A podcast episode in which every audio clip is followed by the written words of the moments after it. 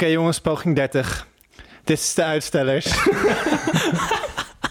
Grapje. Welkom bij de uitstellers. Dit is Ruben. Dit is Aaron. En dit is Erwin. En vandaag gaan we het hebben over hoe vertel je nou een goed verhaal? Goed verhaal. Lekker kort.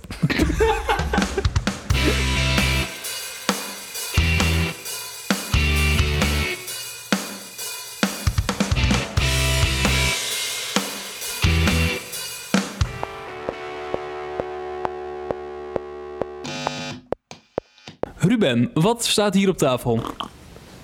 En je hoort Aaron al heel vies slurpen. Dat was echt de bedoeling trouwens ook hoor. Dat je dat weet. Lekker man. Vandaag eh, is hij is niet zozeer gesponsord, maar wel mede mogelijk gemaakt door een, eh, een, een trouwe oud vaste klant van eh, de koffiebar waar ik werkte. Meneer Frederik Klapwijk. Shout-out Frederik. En Dank u wel. eh, deze meneer die heeft mij geholpen aan een prachtige glazen Arctic Cold Brew koffiemaker. En die zijn we vandaag even aan het uittesten. Yes. Want dat doen we graag. We hebben het er niet zo heel vaak over on-air, maar wel eh off-air. Ja, Dat iets komt te omdat, vaak. eh, dat komt omdat Aaron en ik eh, van origine, nou, van origine een tijd lang barista zijn geweest. En, Yes. we alle obscure varianten van koffie heel graag uitproberen. En vandaag is dat een niet super goede boon in een super goede cold brew koffiemaker, mm, wat zorgt voor oké cold brew koffie. Ja. Volgende keer proberen we echte koffie te, te gebruiken, toch Aaron? Yes. Ja, En, Aaron die kan het regelen, die kent mensen. een van mijn eh, huidige klanten is een eh, koffiebranderij, brandzaak. En eh, nou, dat is zon. En dit is even niet omdat ik voor ze werk, maar oprecht de beste prijs-kwaliteit verhouding in koffie ooit. Eh, oprecht nog steeds mijn favoriete koffie, dus eh, die gaan we zeker even goed gebruiken. En het toeval wil ook dat eh, Aaron en ik net voor en tijdens het eten een fotoshoot hebben gedaan voor deze eerder genoemde brandzaak. Ja, sterker nog, ik heb naast mijn kannetje cold brew, wat we net hebben ingeschonken, heb ik ook nog steeds een thermoskan met koffie van D-Shoot naast me. Oftewel, als ik steeds energieker word gedurende deze Ja, podcast, echt, deze jongen is niet te houden. We hebben, we hebben net even alleen in één ruimte gezeten. Je wordt er Ai, echt ai, gek van. Ja. Ik weet het, ik eh, ken hem al een jaartje of eh, 22. daarbij is het ook zo, wij, eh dus ook wel lachen. Ik eh, zat zowaar vandaag met Ruben op kantoor aan het werk. Alhoewel Ruben vooral aan het werk was en ik op een skippiebal ernaast stond, eh, of zat, te wachten. Classic. Classic. Ja, maar ehm, Nee, dat gaan we misschien zo meteen eh, ook nog even bespreken, want het was best wel grappig om dat een keertje te doen. zeker. Ehm, ik wil het vandaag wel echt ergens over hebben met jullie. En eh, dan kunnen we natuurlijk ook deze dingen gewoon meenemen, want het eh, heeft te maken met ons werk. En eigenlijk is dat mijn grote vraag en frustratie. En ook iets waar ik toch wel beter in ben geworden door de tijd heen. Hoe vertel je nou een goed verhaal? En niet alleen maar door te schrijven of door te praten, maar wij doen allemaal andere dingen. Foto's, video's, muziek. Het vertelt eigenlijk allemaal een verhaal. En heel veel mensen doen het. En het is altijd heel erg duidelijk als het niet goed is. Maar hoe zorg je ervoor dat het wel goed is? Dat eh, is veel makkelijker gezegd dan gedaan. En heel veel mensen denken te weten of weten precies hoe het allemaal werkt. Maar in de praktijk komt er niet heel veel voor dat ik echt denk van wauw, hier wil ik eh, iets van kopen. Of hier wil ik meer van luisteren of meer van zien. En eh, ik was benieuwd naar hoe jullie dat ervaren. En ik heb er zelf denk ik ook wel wat dingen over te zeggen. Maar ehm jullie mogen even hard nadenken. Dat doen jullie al, hoor ik. Ja, nou, het, het eerste waar ik aan denk, en dat heeft verder helemaal niks met mijn werkzaamheden te maken. Inderdaad, wat, je, wat jij zegt, als het geen goed verhaal is, wat je maakt met de intentie om het wel een goed verhaal te laten zijn, dan merk je dat gelijk. Dan denk je gelijk, nee, dit klopt niet, dit is niet goed. Maar het punt van een goed verhaal in de manier waarop je je merk brandt, is dat het niet duidelijk is dat er een verhaal wordt verteld. Zeg maar het idee van een onzichtbaar medium, dat het pas echt goed werkt op het moment dat je niet meer merkt dat het iets aan het doen is. En heb je dat ook wel eens meegemaakt? Kun je een voorbeeld daarvan geven? Nou, het beste voorbeeld tegenwoordig is je mobiele telefoon. Zeg maar, je bent met mensen aan het communiceren. En dat is dan niet per se een verhaal vertellen over een merk, maar je bent gewoon met mensen aan het communiceren. Dat doe je via WhatsApp of Facebook Messenger of, of weet ik het. En je bent je er niet bewust van dat je die app gebruikt, dat je die manier van communiceren gebruikt. Maar je bent gewoon met mensen aan het praten. Mhm. En omdat het zeg maar zo normaal is, zo'n eh, ja, zo'n effortless manier van ja, hele goede. Even ter onderbreking. eh, dit is een mooi moment om, eh, om, om even te introduceren dat we het belletje terug gaan brengen. Op eh, vele verzoek. In elk geval één iemand. Shout-out Laurens. Willen we toch weer even het belletje terugbrengen. Omdat we nog steeds veel te vaak Engelse woorden gebruiken. En het is nu zelfs zo erg dat Erwin is aangestoken door Aaron en mij. Ja, heel erg. Terug naar je verhaal. Terug naar mijn verhaal. WhatsApp is zo'n gemakkelijke manier van communiceren geworden dat je er niet bij mij nadenkt dat je het gebruikt om te communiceren en dat het daardoor dus een soort van onzichtbaar medium is geworden. Uh, en omdat het zo'n onzichtbaar medium is en omdat je niet doorhebt dat je het gebruikt, werkt het zo goed. Maar is het daarmee ook een goed verhaal? Wat, wat voor verhaal wordt er verteld? Die volg ik nog niet. Ik denk eigenlijk, iets waar je echt naar hint, maar eigenlijk uh, niet echt op aanstipt, is dat een beetje heeft te maken met authenticiteit. Uh, klopt hetgene wat je hoort met jouw uh, understanding of, of het, je mening van hetgene waar dat verhaal vandaan komt? En als we het even een beetje toepassen op iets meer bijvoorbeeld zakelijke doeleinden. Stel jij kijkt een reclamefilmpje of een blogpost of iets dergelijks, een, een stuk content van een bedrijf. Klopt hetgene wat zij zeggen in dat stukje content, uh, komt dat overeen met hoe jij hun ervaart als bedrijf zijnde? Om het even een beetje bijvoorbeeld een, een vrij slecht voorbeeld te geven, maar bijvoorbeeld McDonald's is een bedrijf wat de meeste mensen associëren met ongezond fastfood. Uh, maar ze hebben natuurlijk wel een jaar of wat geleden hun hele brand omgegooid. En zijn ze van het klassieke gouden en rode, uh, wat toch een beetje de, de associatie heeft met, met ongezond en, en lustopwekkende gevoelens en, en ongezond eten, dat soort dingen, hebben ze toen omgezet naar donkergroen en goud. Wat opeens meer sustainability en ecologisch verantwoord dat soort dingen uh, in lijn is. En uh, nou moet ik zeggen dat McDonald's op zich goed voor elkaar heeft. Die heeft het goed uh, aangepakt. Maar ik kan me zeker aan het begin best goed voorstellen dat mensen dat opvatten als um, dat is gewoon nep. Dat is een nep verhaal. Dat is niet authentiek. Dat is niet waar McDonald's voor staat. McDonald's is geen gezond eten fabriek. Nee, maar de grap is wel omdat ze dat uh, wel communiceren. Um, en ook heel bewust communiceren met de kleurstelling die ze gebruiken, ook in de restaurants zelf. Is toch zeg maar, het soort van het schuldgevoel wat je hebt als je daar eet verminderd? omdat je er niet constant aan wordt herinnerd hoe slecht je bezig bent? Ja, en ik denk dat daarom dat McDonald's het ook, uh, ik bedoel, die zijn er nu een jaar of wat in verder. Nu is dat ook niet meer uh, storend voor niemand niet. En dat wie zegt, weet je, een hele interieur is op aangepast. Hun menu is op zich ook aangepast. Ik bedoel, ze hebben tegenwoordig zelfs vegetarische versies van McChicken, waar ik erg blij van word.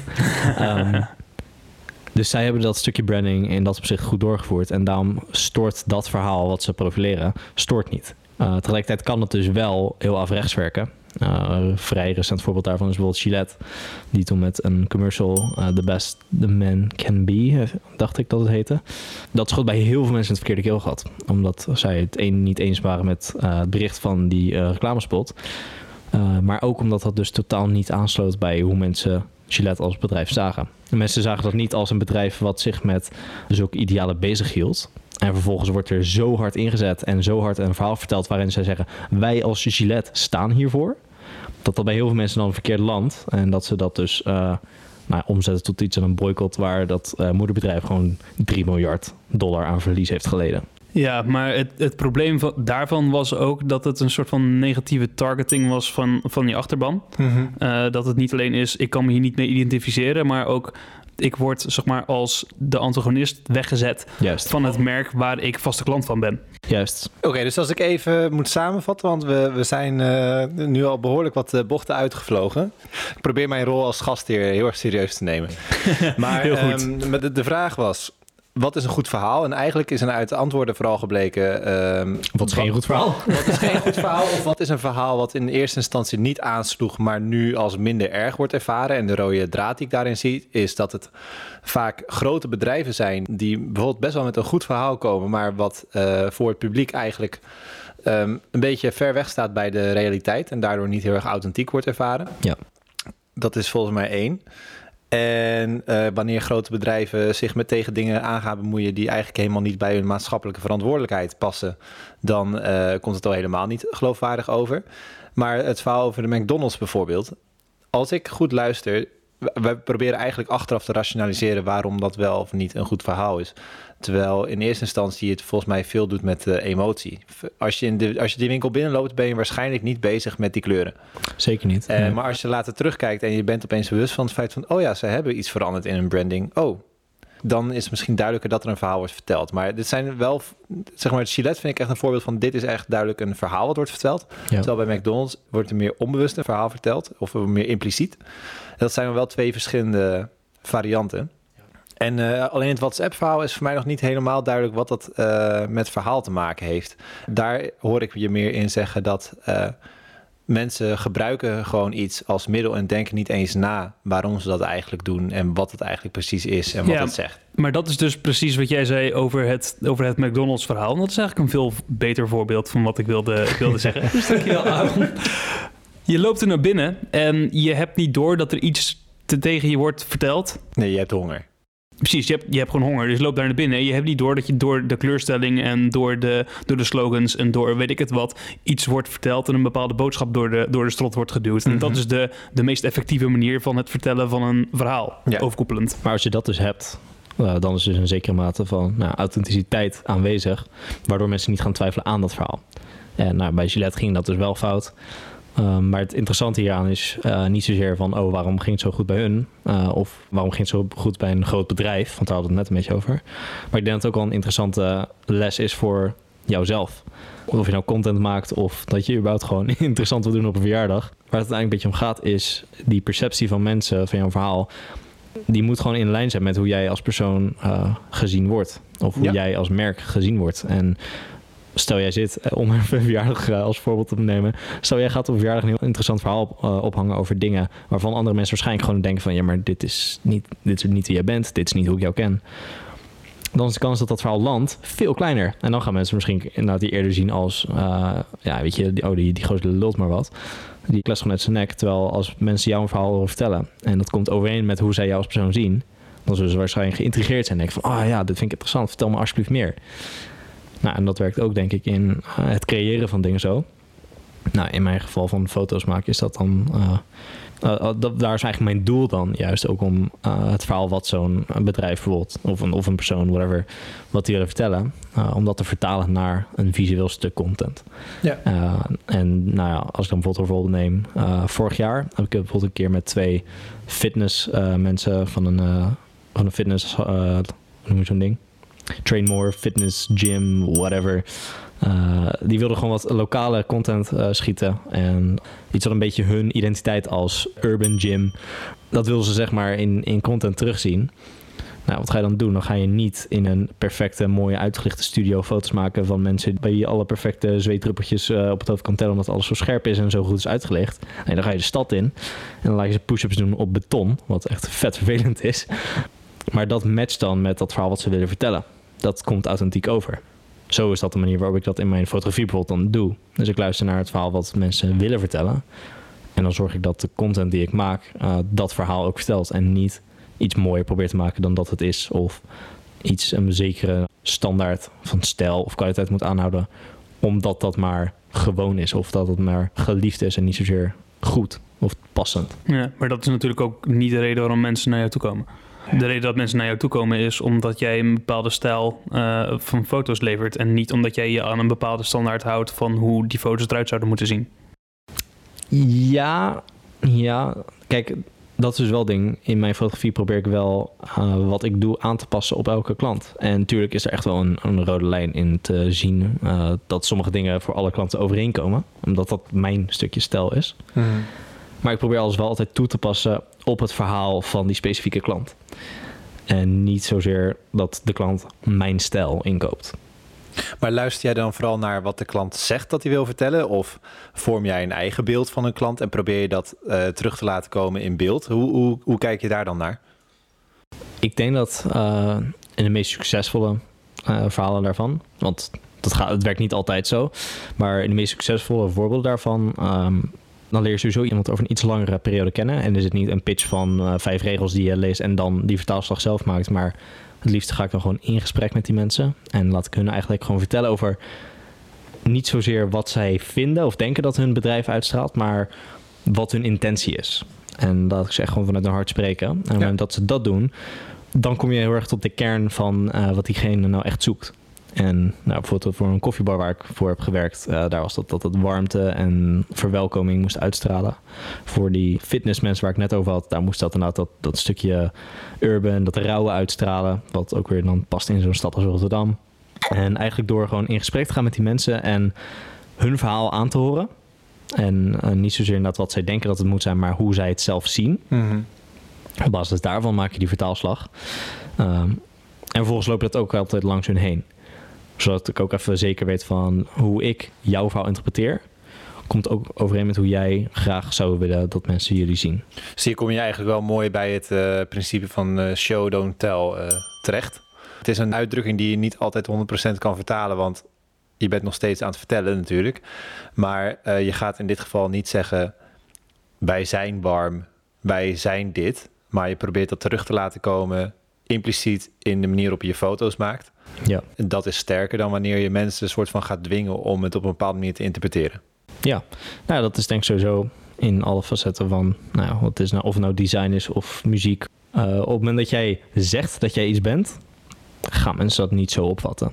Nee, Maar- of wanneer jij zegt dat iemand iets moet doen of zijn, zoals Gillette, dan val je ook vrij snel door de mand, omdat het helemaal niet overeenkomt met wat Nee. mensen zelf doen. Maar als jij inderdaad jouzelf een, een brand aanpraat en dat opzicht en, en gewoon zeg maar, een bepaald jasje aantrekt wat dat gewoon uitstraalt, dan gaan mensen dat over jou zeggen. En op het moment dat mensen dat over jou zeggen, dan is jouw verhaal geland. Dan heb je inderdaad een succesvol iets bereikt. Uh, moet je het alleen wel dus inderdaad in zo'n manier doen dat dat ook het verhaal is wat jij wil vertellen en dat je dat niet van andere mensen laat afhangen. Daar zijn wij weer voor in te huren. Hey. Nou, eh, misschien wel leuk om even om terug te komen op dat stukje, het feit dat Aaron en ik vandaag hebben samengewerkt. Dat is best wel een leuk voorbeeld eigenlijk van eh, hoe ik aanliep tegen het feit dat het heel moeilijk is om iemand anders zijn verhaal effectief te vertellen, zonder dat het een verkooppraatje wordt. Dus mijn rol eh, in, in dit geheel is om, eh, nou, er is een ondernemer en die wil graag eh, investeerders bereiken en eh, dat, nou ja, dat proberen we voor elkaar te krijgen door eigenlijk te vertellen wat dit bedrijf voor toffe dingen doet.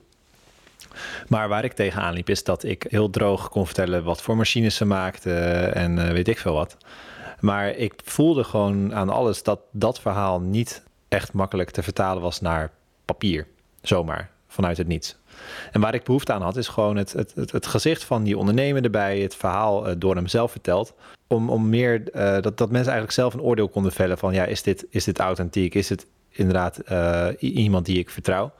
En in, in principe vertelt diegene dezelfde dingen als waar ik dan over schreef. Alleen wanneer je degene zelf hoort vertellen, is het veel interessanter en zie je dat het een beter verhaal is, omdat je merkt dat diegene dit eigenlijk ademt. Ook als je diegene nog nooit hebt ontmoet. Eh Aaron en ik hebben daar eh, gisteren een video opgenomen. En je, je bent erbij en ook als je het terugziet, dan zie je van oké, dit is iemand die doet dit eh, nou, een heel groot deel van zijn carrière. Laat hem inderdaad gewoon zijn verhaal vertellen. Maar dat, dat komt pas naar voren doordat je diegene zelf dat laat doen. Ja. Als ik hetzelfde verhaal zou moeten vertellen over dat bedrijf, zou dat niet zo authentiek overkomen. Dan zou ik echt aan het verkopen zijn. Nee, precies. Maar wat ook is waar je naar refereerde, is dat het niet geloofwaardig is op het moment dat het een eh, puur een geschreven boodschap is. Ehm, en dat is ook iets wat in de vorige podcast even naar voren kwam. Dat doordat er audiovisuele media steeds belangrijker zijn in de manier waarop je je verhaal vertelt als bedrijf, is ook de waarde van wat je over jezelf schrijft op een website of weet ik het, in een, eh, op een krantenpagina of weet ik het wat. De tekst zelf heeft steeds minder waarde, al blijft de inhoud hetzelfde, omdat de manier waarop het wordt gepresenteerd steeds belangrijker wordt. Ja, alleen kan je daar natuurlijk wel tegen inbrengen dat een, eh, een echt een goed boek ehm, zeker wel een bepaalde overtuigingskracht kan hebben. Eh ook Tuurlijk. worden alleen woorden gebruikt, maar wat natuurlijk daar wel een rode draad in is, is dat een goede schrijver over het algemeen dingen op zo'n manier opschrijft dat ze tot de verbeelding spreken. Ja, Of en, Dat en ze een goede kaft hebben. Nou ja, don't judge a book by its cover. Nee, maar ehm, wat, eh, wat wel zo is, is dat niemand de tijd neemt om een heel boek te lezen over wat jouw bedrijf precies doet. Nee, tuurlijk. En dat is natuurlijk de kracht van een, de kracht van een boek, is dat het veel woorden zijn die, die geschreven worden.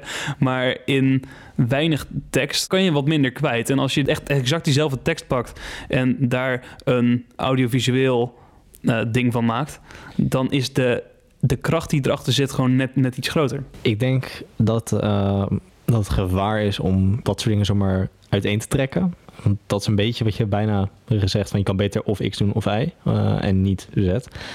En ik denk dat dat eigenlijk allemaal gepaard gaat. Alles eh, werkt gewoon het beste op het moment dat je dat gewoon samen als een geheel presenteert. Als je een website bouwt, tuurlijk wil je dan dat het design fantastisch is. Maar op het moment dat jij dat dan vult met slechte content, eh, dan valt je design ook in het water. En vice versa. En dan iets versa, als jij een video maakt en de muziek die je daarbij gebruikt uh, matcht totaal niet met uh, de sfeer van de video zelf, nou, dan is de kwaliteit van je video ook ruk. En sowieso ook tekst en nog steeds een super relevant medium. Nee, absoluut. Uh, bijvoorbeeld een voorbeeld wat ik recent tegenkwam ging over, wat over Instagram en over hoe influencers daar gebruik van maken. En dan kun je de beste content in de wereld hebben en de mooiste foto's. Maar als jij niet een stukje tekst erbij hebt, en dat hoeft dan natuurlijk echt maar, omdat Instagram is, hoeft dat echt maar nou, wat is het? 50 woorden te zijn, max. Maar dat stukje tekst moet in samenwerking met het stuk content in zoverre toch oproepend uh, zijn of, of mensen aan het denken zetten of mensen eigenlijk doen laten uh, reageren. Wil je jouw engagement krijgen? Want bijvoorbeeld bij nou, influencers gaat dan uiteindelijk om engagement. Die wil zoveel mogelijk interacties met jouw publiek hebben, want je krijgt ook per interactie uh, betaald. En als ik een foto zou uploaden zonder tekst, ga ik daar geen engagement op krijgen. Als ik een lelijke foto gooi met een fantastische tekst, zou ik iets meer krijgen. Als ik een fantastische foto met een fantastisch stukje copy, nou, dan zit je gewoon binnen. En dan hou je inderdaad gewoon honderden comments binnen. En dat, dat wil je. Dus het is niet allemaal uiteen te trekken. Maar eigenlijk is jouw totaalplaatje dat maakt nou of jouw verhaal overkomt of niet. Ja, precies. Maar dat is maar wat ik wilde communiceren, wat jij precies zegt. Als je een hele slechte foto met een goed stuk tekst eronder zet, dan zal je alsnog niet je maximale rendement bereiken. Nee. Maar dat is ook. Mensen nemen je niet serieus op het moment dat je hele goede tekst op je website hebt, maar je website er gewoon ruk uitziet. Ja, of dat jij een hele goede tekst hebt op de website, maar men nergens iets kan vinden over jouw daadwerkelijke werk. Nee, precies. Maar het is dus, er is altijd een manier waarop je je tekst presenteert. Dus de tekst, tekst aan zich heeft niet per se absolute waarde voor wat het communiceert. Want de manier waarop je het presenteert bepaalt heel erg hoe het wordt aangenomen of geaccepteerd als waarheid. Maar ik denk dat dat uh, eigenlijk een rode draad is in letterlijk het leven en alles wat we doen. Of we nou uh, een speech geven.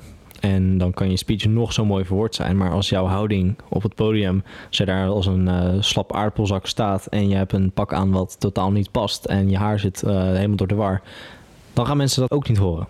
Nee, en dat is uh, misschien nog zelfs een uh, groot deel uiterlijk of design of wat dan ook. Maar uh, als, je die zelf, als je een supergoeie speech houdt en je staat onberispelijk in een pak of een prachtige jurk. En mensen weten gewoon dat jij niet normaal met jouw eigen vrienden of familieleden om kan gaan. Dan val je ook door de mand. Ja. Dus het is een samenspel tussen... Nou, wat, wat zijn de, de containerbegrippen die we hier tegenaan kunnen gooien? Authenticiteit. Authenticiteit, integriteit, representativiteit. Oeh, mooi. Precies, ik hou wel van woorden met veel lettergrepen. ja, zegt meneer Erwin van Oostenbrugge. Waar is dat lotto-geluidje? nee, maar kijk, het is altijd, het is altijd een samenspel van, van verschillende dingen. En ik denk dat je daar vooral heel erg bewust van moet zijn. Of dat nou gewoon in je persoonlijke leven is of als professional, uh, wat dan ook. Wat je doet, moet wat je zegt onderstrepen. En andersom ook. En eigenlijk is het altijd een samenspel tussen al die verschillende dingen. Je moet niet alleen maar roepen dat je iets bent, je moet het ook zijn. En je moet ook doen. Ja, maar wat uh, Ruben dus een tijdje geleden zei... dat we echt compleet gesidetracked uh, raakten. um, op het moment dat je zelf zegt dat je iets bent... geloven mensen je niet meer omdat je het hebt gezegd. Nee. Zeg maar, degene die zegt dat die koning is... Uh, die is geen ware koning. Goede Game of Thrones referentie hier. Absoluut. Degene die zegt dat hij bescheiden is... Nou ja, dat, dat vertrouwt ik ben de meest niemand. bescheiden persoon ter wereld. Nee, eigenlijk moeten we dus minder praten over wat we doen. Nou ja, dat, dat ligt eraan. Ik denk dat je de manier waarop je je proces ingaat, dat je dat best bespreekbaar kan maken. Maar op het moment dat je gewoon puur zegt, ik, uh, ik maak de beste backdrops van Nederland, dan gaat niemand je geloven. Ik denk dat het uiteindelijk gewoon neerkomt op dat we gewoon moeten beseffen dat onze communicatie verder gaat dan één medium of één methode. Het is een samenhangend geheel en als jij, je hoeft niet per se op alle fronten in te zetten. Maar als jij je volledig op één front toespitst, nou ja, dan verlies je de strijd. Maar dat is, ik heb daar dus, uh, ik, ik wist al dat we hierover gingen praten, dus ik heb me een beetje ingelezen. Oh god. Ja, goed hè. Nee, ik heb uh, dus gewoon gekeken naar hoe binden mensen zich via muziek aan een bepaald product of aan bijvoorbeeld in, in tv-series aan een bepaald karakter of um, hoe breng je een bepaalde emotie over. Ga je het nu hebben over leidmotiefs? Nee, niet eens. Ah. Al is dat wel een onderdeel ervan. Nee, er zijn twee hele belangrijke termen en echt, ik heb echt geen Nederlandse vertaling gevonden hiervoor. Dus eh, ik behoud mezelf even het belletje, want ik edit hem er toch zelf in.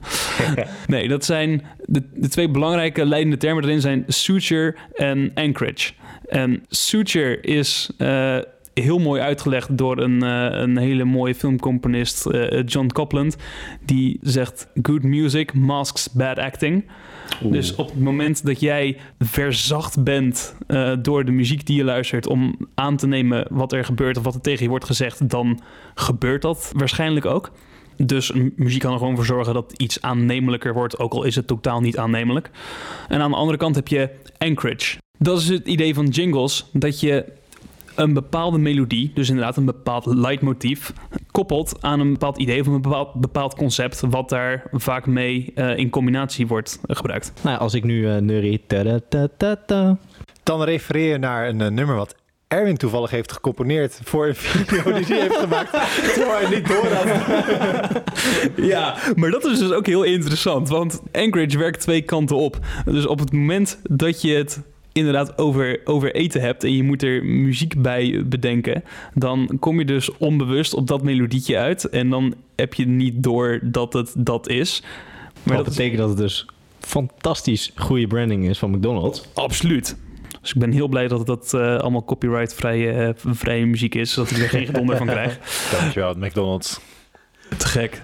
Maar nee, het, uh, hetzelfde heb je met Mentos, heb je met Hema. Dat zijn allemaal van die super bekende melodietjes. Op het moment dat je de, het merk zegt, dan heb je gelijk het melodietje in je hoofd. Maar op het moment dat je het melodietje hoort, dan weet je ook gelijk wat het product is wat erbij hoort. Ja, ik vond vooral het punt wat je hiervoor maakt over hoe um, muziek eigenlijk het verhaal voor je kan vertellen. Om maar terug even te komen op Game of Thrones. Uh, uit een van de seizoenen, dat is een van de laatste seizoenen, voor mij is het seizoen 5 of 6. Daar opent een aflevering met piano. En voor dat moment was in de hele serie nog geen één keer het piano als instrument gebruikt. Dus op het moment dat je die eerste pianoslag hoorde, wist je al meteen van er klopt hier iets niet. Iets is hier anders. Misschien wist je het onbewust niet, uh, of misschien hoorde je van hey, piano, dat is gek. Maar dat matchte inderdaad volledig ook met de gebeurtenissen uit die aflevering. Waarbij toch vrij tragische dingen gebeuren. Wat op zich niet zo heel gek is voor Game of Thrones. Maar um, dat stukje muziek vertelde al zoveel van het verhaal. Dat alles wat volgde des te sterker werd. Vanaf de eerste seconde van die aflevering wist je al dat er dus iets fout ging. En alles sloot dus bij dat stukje verhaal aan. En dat is gewoon echt inderdaad een stukje kracht nou, van muziek. Dat het verhaal al volledig ingezet was. De, de toon was al gezet. Vrij letterlijk, voordat er ook maar een gebeurtenis in beeld was geweest. Ja, ik denk dat het beste voorbeeld van hoe krachtig dit is, is als je sitcoms kijkt zonder achtergrondgeluiden. Geen, geen lachtracks en geen, uh, geen achtergrondmuziek en zo. Omdat er gewoon constant stiltes tussen vallen waarin het publiek de tijd krijgt om te lachen, is het totaal niet meer geloofwaardig op het moment dat je dit kijkt zonder, zonder de lachtracks. Maar op het moment dat je dat gewoon kijkt met de lachtracks ertussendoor, dan zijn die stiltes niet onnatuurlijk. Omdat je dus die, die suture hebt van het geluid wat, er, wat erachter zit. Waardoor alles natuurlijker voelt en alles aannemelijker voelt. Terwijl het eigenlijk volkomen belachelijk is. Oké, okay. En dit gaat natuurlijk over heel grote, bekende, succesvolle dingen. Maar hoe kunnen we dit nu nog een keer even terugbrengen naar onze realiteit? Van de, de zolderkamer podcasters, de, de freelancers, de copywriters die het in een eentje moeten doen. Hoe kunnen zij die band krijgen met hun, uh, hun, hun toehoorders, hun publiek, hun uh, klanten? Uh, dat is natuurlijk een heel grote vraag. Maar wat, wat zijn de dingen die we daarvan kunnen meenemen? Consistentie en herhaling. Gewoon, je moet consistent zijn in wat je laat zien. Dat het altijd het, hetzelfde gevoel, dezelfde connotatie met zich, met zich meebrengt. Zoals je een, ik het, een, een urban fitness ding bent, dan ga je niet de ene keer in een weiland en de andere keer bovenop een skyscraper zitten. Dan zit je gewoon, zit je gewoon altijd in de stad. Juist. Um, en herhaling. Dus als je één logo hebt, als je één aankeiler hebt, één, één muziekfragment, dan gebruik je dat omdat mensen je daaraan herkennen. Als wij iedere podcast een andere intro hadden, dan hadden mensen het niet als dezelfde podcast gezien. En dan heb je geen branding, dan vertel je geen verhaal. Juist. Mooi. Bedankt. Bedankt voor het luisteren. Hebben we nog iets aan toe te voegen? Nee.